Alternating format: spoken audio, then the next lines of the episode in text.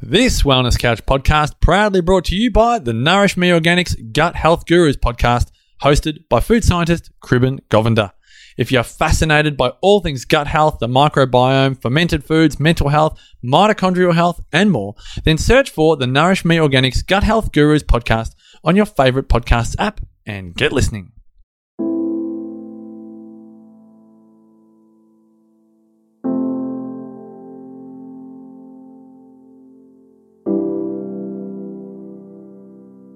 Welcome to Nourishing the Mother, where inspired women talk about the journey of motherhood through the common thread of parenting, relationship, and sexuality as a path to consciousness.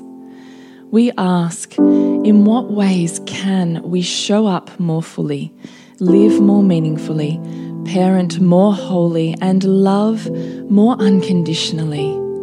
How can we mine the wisdom from the experiences of our lives and expand into those challenges?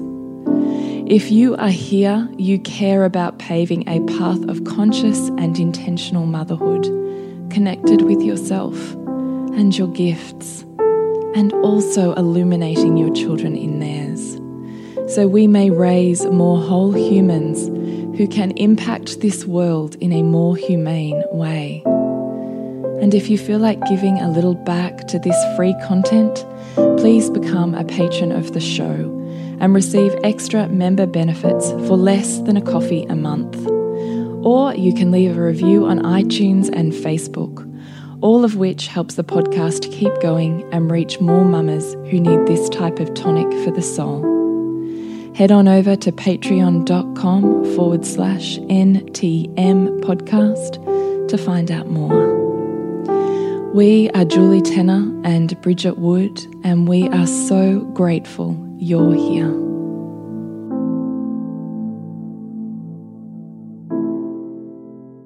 Hello and welcome to Nourishing the Mother. I'm Bridget Wood.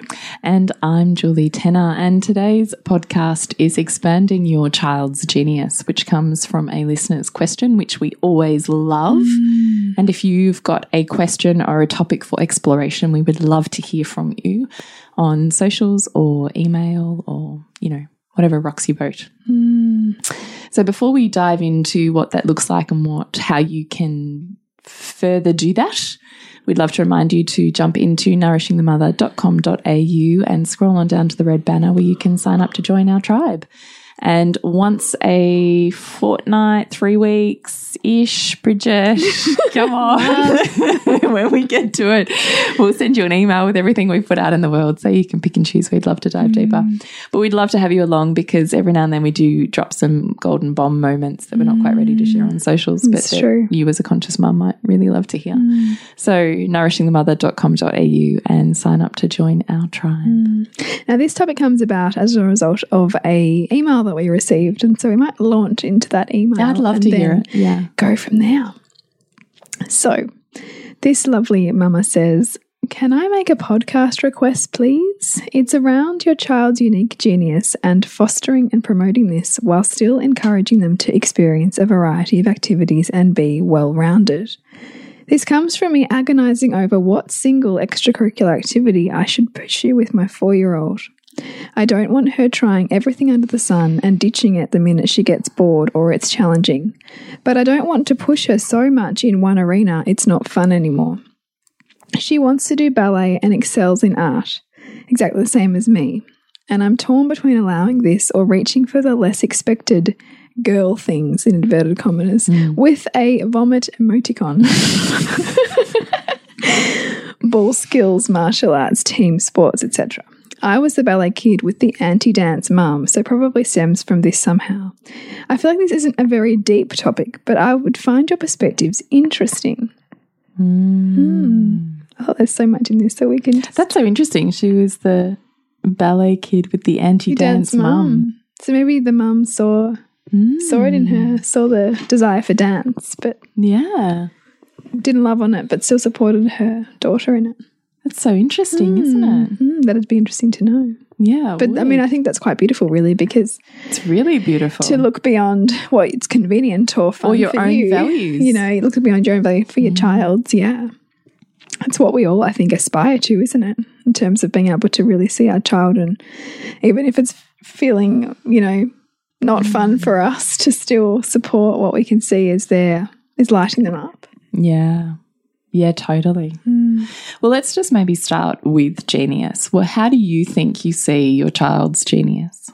I think it's, I think that their genius is evolving as they evolve. And I think uh, the way that I would categorize what we call genius, I guess, in this sense, is really you know, a person who listens to the light of their soul. So it's, and I love the opportunity that being a parent gives us because we get to be the reflection for our child and reflect back to them that what they are growing into being inspired by is meaningful because they develop their own personality based on the reflected sense of self that we as their parents provide.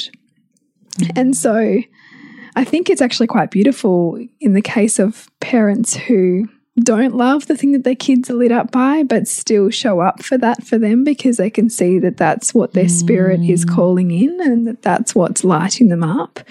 I think that's kind of the ultimate in, you know, selfless parenting to be able to do that. Mm. So that's what I would would characterize, I think, as as genius. It doesn't necessarily mean that they're masterful at it, but that they are listening to what's deeply authentic, and that and that we can um, help them meet that, help them grow that. I do think, though, that as much as the form or expression of genius changes, that largely the underpinnings of that genius are consistent. What do you think? Yeah, I think it's fairly true. It's just it's just changing, and, and that's also why I think it's interesting to look beyond what the category or the thing might be to what else is this teaching? What else is this um, being a um, gathering together of knowledge and wisdom? Because it can very often, like in my case, my son at the moment is obsessed with footy cards and football, and I don't like footy cards or football at all. I could probably like nothing else less than that, perfectly honest. But the level of mastery that I can see him getting around his maths, which has been a constant um, joy for him. Mm. And also social relationships and, and the social currency that these mm. things provide mm. it's so much more than just like the subject matter of football you know it's it's being able to negotiate it's being able to communicate in values with friends it's to be able to use his growing physicality amongst a group of boys to be able to relate. It's to be able to build deeper relationships with people. It's you know learning the value of money because he's having to save his money to buy more footy cards. It's learning um, birth dates and football scoring and skill development at, you know in teenagers and men. Like it that it's learning history because he's wanting to know when you know certain football teams started and like you know there's mm. just so much in it you know and i think when we can widen our lens and see well the stacking genius here is not just this outer manifestation that we're seeing it's actually much bigger than that. Mm. We then as mothers can also like within us generate a greater willingness to invest in that development for them because we mm. can see the bigger picture. Mm. And that I think can also help then inform what we want to support them to dive into as well. Would you mm. say? Yeah, yeah, I would. Yeah, I would. Um, so you know what I do? I get flooded with five thousand thoughts. Yeah, I my brain. I can't pick which one I'm going to go Yeah. with. So please excuse my silence as I go. Which path am I taking right now? Yeah. Um, I think that you can probably largely always see your child's values at play based on how they filter their world. So, you know, um, probably, I mean, probably pre three, I think that's mm, pre two and a half. That's tricky, maybe. Do you think? Yeah, I don't know. I've, I've noticed it really clearly with my daughter, particularly. you? There you yeah, and, and the uh, the stacking of that. I mean, her two year old birthday, it was everything was about dogs. Everything was about dogs. Yeah. and now it's all about unicorns and rainbows Yeah. and you know those things and they're you know I'm, I'm- i haven't linked more broadly what they're an expression of but I still think they're caretaking. Yeah, nurturing and Mm. and she's doing a lot of that with her sister in between, struggling with that. but I digress. So it's entirely possible that mm-hmm. family is a top value of hers. Yeah, yeah, and and building family. Yeah, Because so the even expression of it the, is the- different. The, dog play was always, you know, the dog family. Yeah, yeah, yeah. Actually, so my two year old does a lot of. It's not in that expression, but it's always revolving around. Whenever she sits down in inverted commas, reads a book, she'll be narrating her own story about mum and dad and brother and sister, and that's not necessarily all two old two year olds yeah, because there'll be some that don't even think about their family. So I think you can start to extract out. You know, the common uh, thread. yeah, if you have a child like my son, never really worried terribly much about friends, but my um, eldest daughter, that's definitely been um, something that we've continuously, that she's continuously filtered and focused on. So in my head, I'm going, yeah, okay, you have a really high social value, Mm. and that's wrapped up in your genius. And my second daughter, everything is an experience for her of love. So she loves more fiercely and wholly than any of my four children. I think you can feel it like ooze out of her skin. And so I do think there's a genius at play there around relationship and again, the movement of energy. So I'm looking at these things going, she's the one with the most inverted commas dysfunctional body, and yet the one who has the strongest potency hmm. in her body. So those two things aren't separate. They're linked by mm. voids and values that will express a genius. I don't know what that genius will end up being, but I know, although it doesn't look like it now, that her genius will be in her body and her ability to relate to others by virtue of having such a hard time through her own physical mm. expression. So I'm always looking at what's happening. And my son has always loved sport and the expression of sport in all of its forms. Hmm. So there's always these geniuses that you can start to see how anything they choose to do in their day is in service to a particular type of genius, hmm. I think. Hmm. And that as they get older, you can just see the stacking of how, oh, it's that and it's that. And I think they probably more consciously spend more parts of their day in service to that genius. Um, so I, I think that genius is something that you can start to interlink and see in your children. And then when you're looking at how do I then take the responsibility of of expanding that, that there's many ways to look at it, right? Because when I think about the extracurriculars, so each of my children do three extracurriculars each. One of those, so my one of our underpinning rules um, that Nick and I decided as part of our family values was that one of those always had to be a team sport. We didn't care what team sport, but it had to be a team sport because we both, me from having zero team sport in my life, and my husband from growing up in team sport, both actually from one as a value and one as a void, had an incredible unified family value on what it was that team sport brought you. And that for me, when I could link it to my values, was everything I witnessed in going through that experience with particularly my first two children was the development of relationship and the development of interpersonal skills, team building, leadership skills, being able to communicate. I really enjoyed the understanding of teamwork in terms of, oh, this is my responsibility and that's yours, and here's how we mm. play that together. I loved the opportunity for them to meet edges of loss and competitiveness and learning sportsmanship and how to handle the intensity because there's nothing like sport for adults or children that like white line fever is a thing, mm, right? Mm. So for me, it was this huge opportunity, this intense bubble in which we could really practice our artful nervous system regulation or mm. dysregulation. So intense highs and intense lows, and how do we train our body so that actually this is totally on the way to us being able to love bigger and wider mm. than ourselves by virtue of this one really intense experience. So I also knew, even when my kids were super tiny, that because my husband was an elite sportsman and that sport, I watched sport still at him at, you know, 30, 40, nearly 50 now, how that has played such an integral role in his entire life, like his development of social constructs, his ability to still move his body in a really pleasurable, enjoyable way and in a team environment, and particularly for men having a camaraderie of men that you just are around, men that you bump mm. shoulders with, men, you know, mm. all of the time. I just saw it as such a service as a sport for life, as opposed to something you trash your body in and then you ditch. Yeah.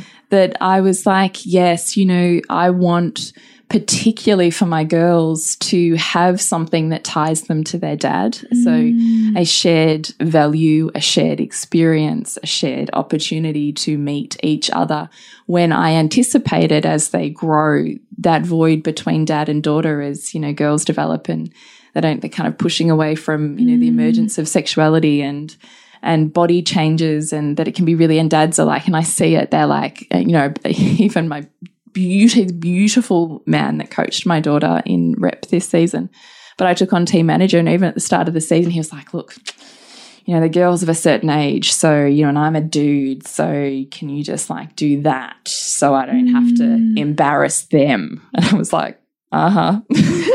but that Because it right? was so uncomfortable. so uncomfortable for him. Mm, mm. And I was looking at my my I expect that my girls will do that and how can I bring them into an experience where they can still meet their dad and meet their dad and share mm. something and understand his language Yeah. and you know and so At a time when traditionally girls would just completely disconnect. Yeah, and just not have a meeting place with dad. Yeah. You know?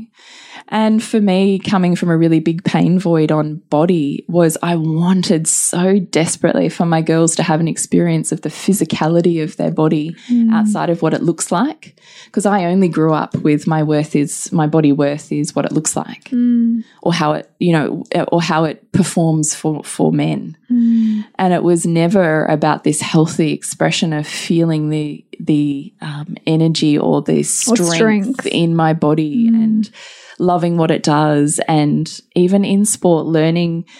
You know, now I just I like love men now as I hit nearly forty, but it took me thirty years of being shit fucking scared of them to work that shit out. You know, and I do think that growing up with opposite sex siblings and being in environments where you're constantly hanging out in um, in really healthy relationships in sporting environments is such a gift because they mm. just become these whole humans that you get to learn how to be in relation to and with and share parts of your body without it needing to be this like ooh, you know Yeah. you yeah. know Yeah, I do. so I want to say that I didn't force my children into something and I just expressed all of them. But the truth is, I didn't. The truth is, I said to all of them, yes, but swimming lessons are an absolute because we live in an island and we live right near the beach and it's super fucking dangerous. Yeah, that's exactly the same for us. so until I know that you can totally and utterly be 100% mm. safe on your own, swimming lessons are a non negotiable. Basketball is a non negotiable, or pick your team sport, but a team sport. Mm. And then you get one thing, you know. So that's kind of how it's rolled. And then as swimming lessons, they've got to a certain age where they don't need swimming lessons anymore, then they can pick something else up, which is, is what's happened. So when my eldest, my son loved all of that, it's been a really easeful experience. The other thing he wanted to pick up was footy. Great, fine, no worries. Oh, he, you know, he did ebb and flow. Actually, I tried, I tried him in other things. I tried to, you know, turn him into more of a new age man, and I tried, you know, a bit of hip hop dance or a bit of, you know, I tried all sorts of stuff. But actually, he just really fits the box, you know. Yeah, And it was me who was trying to morph him out of it. And my daughter went through a phase. Uh, she was probably about grade one, so would she have been six, seven, something like that, where she just didn't want to do basketball anymore. She just really didn't want to have to go to training. She didn't really have to go to the games. And so we went through probably a solid year of being, you know, you committed to this. Commitment's really important to us because you really have to show up for other people, blah, blah, blah. So we went through a whole year of that conversation. And now I kiss the ground, thank my lucky stars we did that year of hard work because she fucking loves it now. Isn't that great? Like, Because you can't know then. no, you can't know. Mm. And to be honest with you, there were times when I, and I have to tell you in, response to this listener, I was the kid who was flaky Jake, never stuck to anything. Mm, mm, So I get it. But I really also felt so insecure that I couldn't stick at something. It's kind of like the person who flits from relationship to relationship because when it gets a bit too, you know, when there's a little bit of discomfort, out I am. yeah. You know? Yeah, that's probably my story with um, kids sport too. Although I, I stuck with netball, but when gymnastics got too hard and too competitive, because gymnastics is fucking hardcore, Yeah. Oh, well, it is. I was out Yeah. of it. Which I'm kind of glad. Well, for, I want to say gymnastics is maybe like, that's a pretty fucking intense sport. Yeah, yeah, yeah. Well, I can still remember this coach was scary as fuck. Go goes to the I don't- territory. I don't, doubt it. I don't. I've heard some crazy stories about Mm. gymnastics. Mm. Anyway, I digress. Yeah, I, Wait, wait. I digress too. I know, me too. So my point is also, you know, I think sometimes we can be like this lady does, look, they just don't really want to do it. But for me, there was this greater value at play Yeah. for all of those things I just discussed. And also that there was a value outside of self. Mm. That sometimes you have to put up with a bit of discomfort and we're going to build your tolerance for discomfort in your body Yeah. so that you learn how to show up beyond it, not just discomfort. Oh, I'm going to move away. Yeah. I want discomfort. I can live in discomfort. I can move into chaos rather than needing to navigate and dim myself to move away from it. So I always found that a really meaningful experience. And on the other side of that is she loves it. She shows up. Her and her dad now have this fantastic connection point mm. and her brother, like it is a unifying thing for all of them, which I, mm. I really love. She's made some amazing friends. And by virtue of being in team sport, you get exposure to all these incredibly dynamic, incredible, you know, support networks Mm. and coaches. And all of those support networks and coaches are so important because I think it shouldn't just be us. Yeah, it kind of gives you a ready-made village, doesn't it? Well, because there might be days when we just miss the signals, you know, as mm. kids get older in particular. But how amazing to know that you have structured around them to such an extent that I miss the signals today, but so and so will pick up on it. Mm. You know, like I just think Yeah. there's so much beauty there in that. And the only other thing I'm going to say on that before I take a breath and, and hand it over to you, Bridget, because I've just like monopolized No, I'm I'm just going along for the ride. I'm enjoying it. is my my um second daughter Lola. So you know she's got like physical issues, and you know it's been a roller coaster ride with her. And I realized that I was very much carrying the story of um, it's too hard for her, so I won't push her into it. And I can see how that's also a disservice to her because I never let her try and struggle. I always manipulated her world in such a way that she didn't. I mean, she always struggled, was the point, but I guess I then felt an obligation to not add on additional struggle mm. because everything was a struggle, mm. you know. So, where Yeah. I could soften the struggle, I would soften the struggle. Hmm. And often that would be things like mitigating around, you know, birthday parties that involved climbing frames and, hmm. you know, physical stuff and extracurricular activities. You know, my youngest two were in, you know, sporting type of extracurriculars from like three. Hmm. And, you know, here's Lolsey at five who hasn't done any of it because it's just too fucking hard for her and me. Or is it all me? You know, so Yeah. that's where they sat with this year. And so this year, uh, well, last year we did swimming lessons, which was hard because we had to go through three schools and um, till we found the right school that suited her. And then it's been amazing.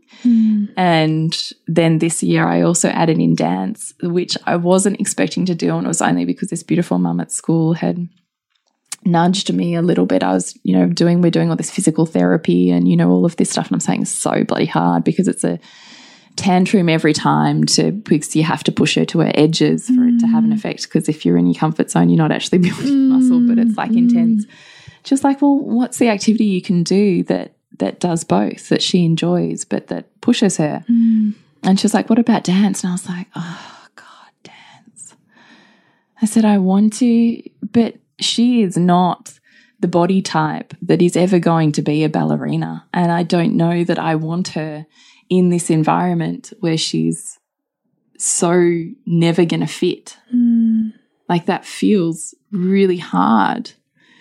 you know, and I actually spent a lot of time sitting with that. And then I found the right school. So I found a school that didn't do, um, like, I'm not sure what they call it, but the certification process. Or Oh, yeah. you know. So it was more of a fun kind of as opposed to a professional. sort and not like this enormous concert and you know blah, blah. Yeah. this was just and i and i had you know emailed and rung a lot of different schools till i found the teacher that i was like look you know she's got physical issues we're not looking for pressure she may be delayed and behind everyone else in the class you know how do mm. you feel about catering for that is this the right environment for her Yeah. you know like we had all those questions and i did put her in dance this year and it has been fucking amazing How great.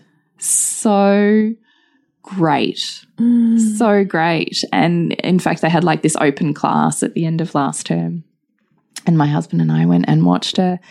And like I was nearly welling up just watching her do these things that were effortless for every other child that was in that class. But I was watching her going, no way was she doing that a term ago That's so cool. like couldn't even have managed to you know do two or three of these moves so right choosing extracurriculars for genius i'm a bit like mm, you know that it feels very nuanced Mm. And I guess it's that thing too, like, because on the one hand, I would say don't push them because i know i get it particularly the younger they are, the more intrinsic that motivation is. Like the Mm. more they're not morphing themselves to what they think they should be, and so the inspiration is really organic. You know, and you can you can follow it very clearly and know what it is and know how to meet it. But you know, for us, same things. The swimming was the was the thing was the non negotiable, right? Like it's got to be done. And my son went through a. I think like Lola also went through a stage where Yeah, she did. like, d- he did not want to go. Like, and we actually took, I think maybe six months or a year off at one point. I think he must have been three. But to get him back in the pool every time was such a massive task. Like, but I also knew that that the value of um, pushing through that and the value that that he would get from seeing what it feels like to meet a fear and to lean into it and to slowly build the tolerance to go where it was terrifying for him. Mm-hmm. And you know, just this week, they're doing eight days straight with school of swimming. And he has just come home today completely lit up because he's now seen where he is, you know, amongst his peer group and he can see the skill development that sticking at something that was really hard, what that's given him. And and I just I'm again grateful that that we push through the hard stuff. And, you know, I guess from our values and projecting them onto our kids, which we're always going to do, which we cannot always, avoid. right? And in our case, when we, that shared value of safety, right? Like we live near the beach and it's a non-negotiable really to be able to have the capacity to keep yourself safe in the water. So that we, it was always something we had to work through to get to. Um, and then I see now the value of pushing through and what that's given him in terms of um, skill development and resilience and and self belief. I think, but beyond that, in terms of genius, he, my son in particular has been. He's not a child that you can like push in the sense of like you can try to mold him, but until he's ready to do something, it, it, it happened even when he was when he was ready to crawl. Like he he could he he waited till he could do it and then crawled. Like it was almost like he had to be developmentally ready for that leap, and then once he was developmentally ready for that leap, he didn't look back. And it's been the same thing with um, any other thing that he's that he's tried, and you know, he tried Auskick, wouldn't do it, even though everybody else was doing it. He still wouldn't do it. And it's only now that he's wi- willing, willing to say, Yeah, I can't wait to do it next year. I want to do it. And it's a really um, intrinsic and active choice on his part. But it's been a tricky edge to dance because, you know, I also really want him to get into team sports and I also really want him to have that um, that bigger picture um, social and community set of values that, that team sport gives. But I also um, respect his autonomy there, you know, in terms of in terms of what the choice looks like. So it's a tricky it's a tricky edge to dance. I also don't think that he is going to be a sportsman, for example. I don't think that that's going to be where his genius is going to lie. It's more, I don't know. It, for him, for him, a long, long time was Lego. So we just would meet that with different Lego opportunities, and then that morphed into like football cards, and now that's you know all of our learning is all around that at the moment. So I didn't even know that it necessarily has to even be extracurriculars. It can simply be can simply be you know how you help them meet the world through what their current reflected sense of genius is in how mm. and what you bring to them through the lens of that mm. because that i mean we all will retain information and learn um, most quickly when we're doing things in line with with genius with what we value most and it's and just to watch like his recall on information on these topics that he's lit up by it's like it's amazing you can just mm. see and we know it as, as, as well ourselves when we go through those patterns of intense learning where we're ferocious about something what we're able to retain and recall and, and therefore speak on is is like really powerful mm. and so i think that give, meeting our kids with that, even if for us the topic's not, you know, lighting us up, it's not the thing. It's about how we can provide that reflected sense of self back to them for them to build the self belief and build the intrinsic sense of motivation to know that they can do whatever they set their mind to because the form is always going to change throughout their life, but the the core sense of self and the core truth and the core belief, that's what you want to entrench in your child, that that sense of inquiry and love of knowledge love of knowledge and learning and contribution, you know, ultimately, which is what the team sport will help build. That's what I think is is um, most important. Mm. Mm. I was just thinking in terms of extracurriculars as well, that the only thing, and I'm sure you've heard me talk about it on this podcast before as well, was that I did also select to put my daughter into drama. I mean, I asked her, but it was an option I brought mm. to her because I think you can't pick and choose what you bring to your kids. Yeah, yeah. For instance, I never brought my son cricket because I was not interested in spending an entire day at a cricket field. I know my husband the other day got really excited at the idea of cricket. I'm thinking, shut up, shut up. I know. So Nick and I were always aligned. We were always like, no cricket. no. I mean, if he had have had a huge like desire, I'm sure that we would have. But he yeah. and I were both like, no, it's just like let's just entire day. You know. Let's stick with a 45 minute basketball game yeah. and we're out the door again. Yeah. Um, but I think I've said before, my daughter was, I mean, she very much plays on that dramatic kind of space now, but she's kind of a bit kooky and crazy in different ways. And at home, she'd be really lit up and open about that. And then she'd started to um, sort of shut it down in different areas. And so I decided that what she needed as opposed to a coach or a role model from a sporting perspective was a coach or a role model for how to be more whole, how to be mm. more crazy in a really um, expressed and what's the word? Just a loud way, mm. you know, just a mm. way of here's how you can be in the world and when I thought about, you know, those kind of unhinged, crazy people that I like freaking love, they're all drama people. Mm. You know, mm. they're all just. I mean, they're a certain type of person, that yeah, drama person, aren't they? they? Are. And they're usually so completely delicious and divine, but they don't fit anybody's box. Mm. And so I found this local teacher. Again, I do think it's about finding the right teachers. Mm. And she was just everything I wanted in a drama teacher. And so at about, yeah, she probably would have been about grade one, so probably when she's going through the hard part, which is funny actually now I reflect on that. The hard time of not wanting to show up in basketball was also part of that figuring out who I am and, mm. and what my, you know, stretching into where I'm okay and where I'm not. And mm. I didn't want her to mm. move away from that. I wanted her to be more, not less. And I put her in drama at about the same time. And that was a pivotal turning point for her. So putting her in the space and sphere of that particular school and drama teacher just like went, just like exploded mm. her confidence.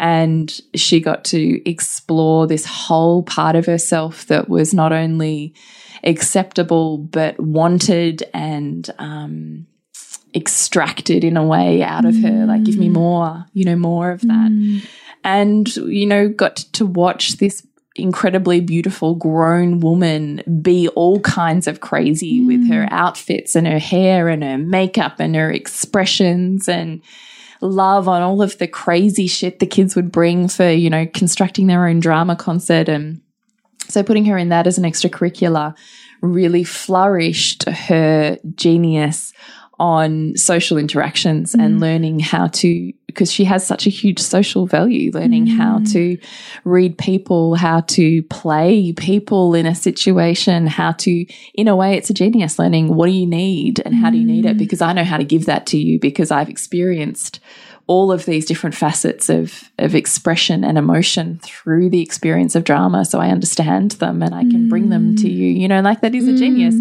You have to then know as a mother, like I was saying in um oh, it was in our soul driven group, you have to Yes. know when to pull it in to self work, but as a genius skill set that's been been pivotal for her. And so she's done that through the whole of primary school and she's about to finish grade six now.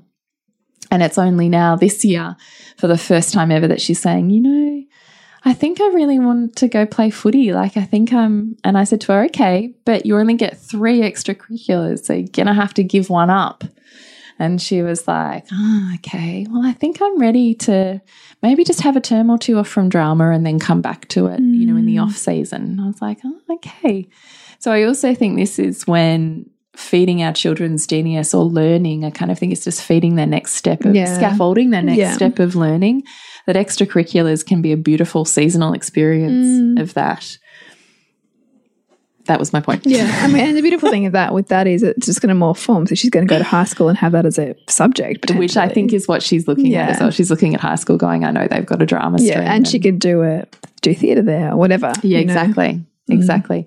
So I do think that extracurriculars are a really beautiful consideration in how do I scaffold the next evolution of my child. Mm. But sometimes that scaffolding's going to um, just look more nuanced than perhaps what you might look at first glance. Mm. I think. Yeah, What do you think? totally. It's just it's just a great conversation to have because I think it's a question that a lot of parents have, particularly when their kids are one, two, three. You know, what do I want to do to sort of widen their circle um, beyond me or um, to give them the opportunity to build skill sets in that is practiced and um, that has a trajectory. I think it's a really worthwhile thing to think about. Um, and there, there is no one size fits all. I think it really is about looking at your child and then looking also at the values that your family holds and how it could support them and you in the growth of those too. I mean, another one that we do every summer is life saving Mm. which is really, I mean, we just walk down the end of our road and there's Life Saving Club, and it's a beautiful way to really connect in with community, you know, and and see help my children see the power of community coming together and the work that goes into creating something of mm. meaning and service in a community. As well as, you know, great skills, you know, really great beach skills and water skills and teamwork and all of that. So that's another one again that's come that I really had to sort of push. another one I had to push, but has been, you know, I'm sure if you ask my son now, he would be enormously grateful because he's made some wonderful friends. Particularly, we did it before he started prep at this new school, and you know that those friendships have carried him, you know, through the year and have been a really solidifying. Um, you know, kind of core set of relationships that we as families can also lean on together. So that's been really great for us too. So I think, you know, you've got to consider both your child, but also how you connect them um, beyond themselves and and help support them to have have um, a greater reflection back to who they are and also how they can contribute to their world. And shared family values. Like as soon as mm. you get really clear on what the alignment is between your child's expression or, or genius and your family values, and you choose an extracurricular activity to match that, then you automatically are in a pool of people who share the same mm. value as you. Yeah, yeah, it's wonderful. And you- and Yeah. you find you end up talking about you know lots of shared interests. Yeah. and, and it can fit. It's like kind of like you can, you can. It's like a beautiful loop because you're contributing to this, but you're also getting so much back. Like it's really lovely. Totally. And I do think it's incredibly important for our children to have a sense of identity and friendship outside of school. Mm. Because at some point and at many points, school can be pretty fucking shit. Yeah, And the way you feel in school can be shit. Mm. And the way that you think people think about you can be pretty shit. Mm. So, to counterbalance that, I think it's really wise to have scaffolded around your child a world outside of school mm. so that they are more than who they feel defined by in, in school. school. Yeah, absolutely. And I would say that is such a truth. And that I mean that was my story personally going through high school was having that mm. something outside of school. You know, so I know we're talking about little kids, but that whole evolution, um, because school is so insular very often, and mm. that you know you live or die by your social standing. The older you get, Totally. and so that stuff is really important to consider. So we really hope we've answered our listeners' questions as best we can through our own mm. stories. But if we haven't, then we'd love to hear from you and we can certainly, you know, tease it out a little bit more. So please send through any podcast suggestions to us at nourishingthemother.com.au or Nourishing the Mother on Facebook and Instagram. And certainly follow us on Facebook or Instagram to stay up to date with where we're at and what we're doing. Mm. For instance, tomorrow night we're off doing an in-person conscious parenting talk We at the are. Nourish Box. Yeah, it's pretty in exciting. Brighton, which is cool. Mm. And connect with you, Bridget, Suburbansandcastles.com and you, Jules. is thepleasurenutritionist.com. Remember to nourish the woman to rock the family. And we'll see you next week when we continue to peel back the layers on your mothering journey.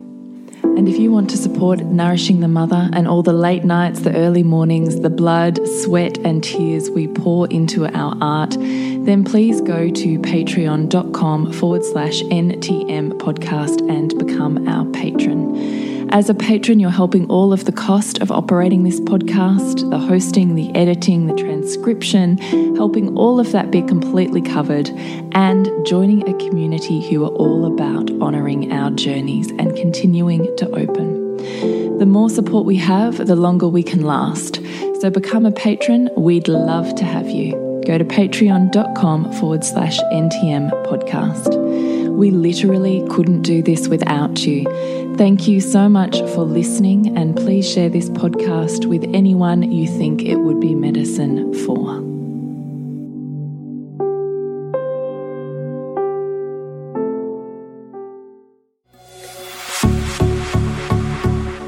This has been a production of TheWellnessCouch.com. Check us out on Facebook and join in the conversation on Facebook.com forward slash The Wellness Couch. Subscribe to each show on iTunes and check us out on Twitter.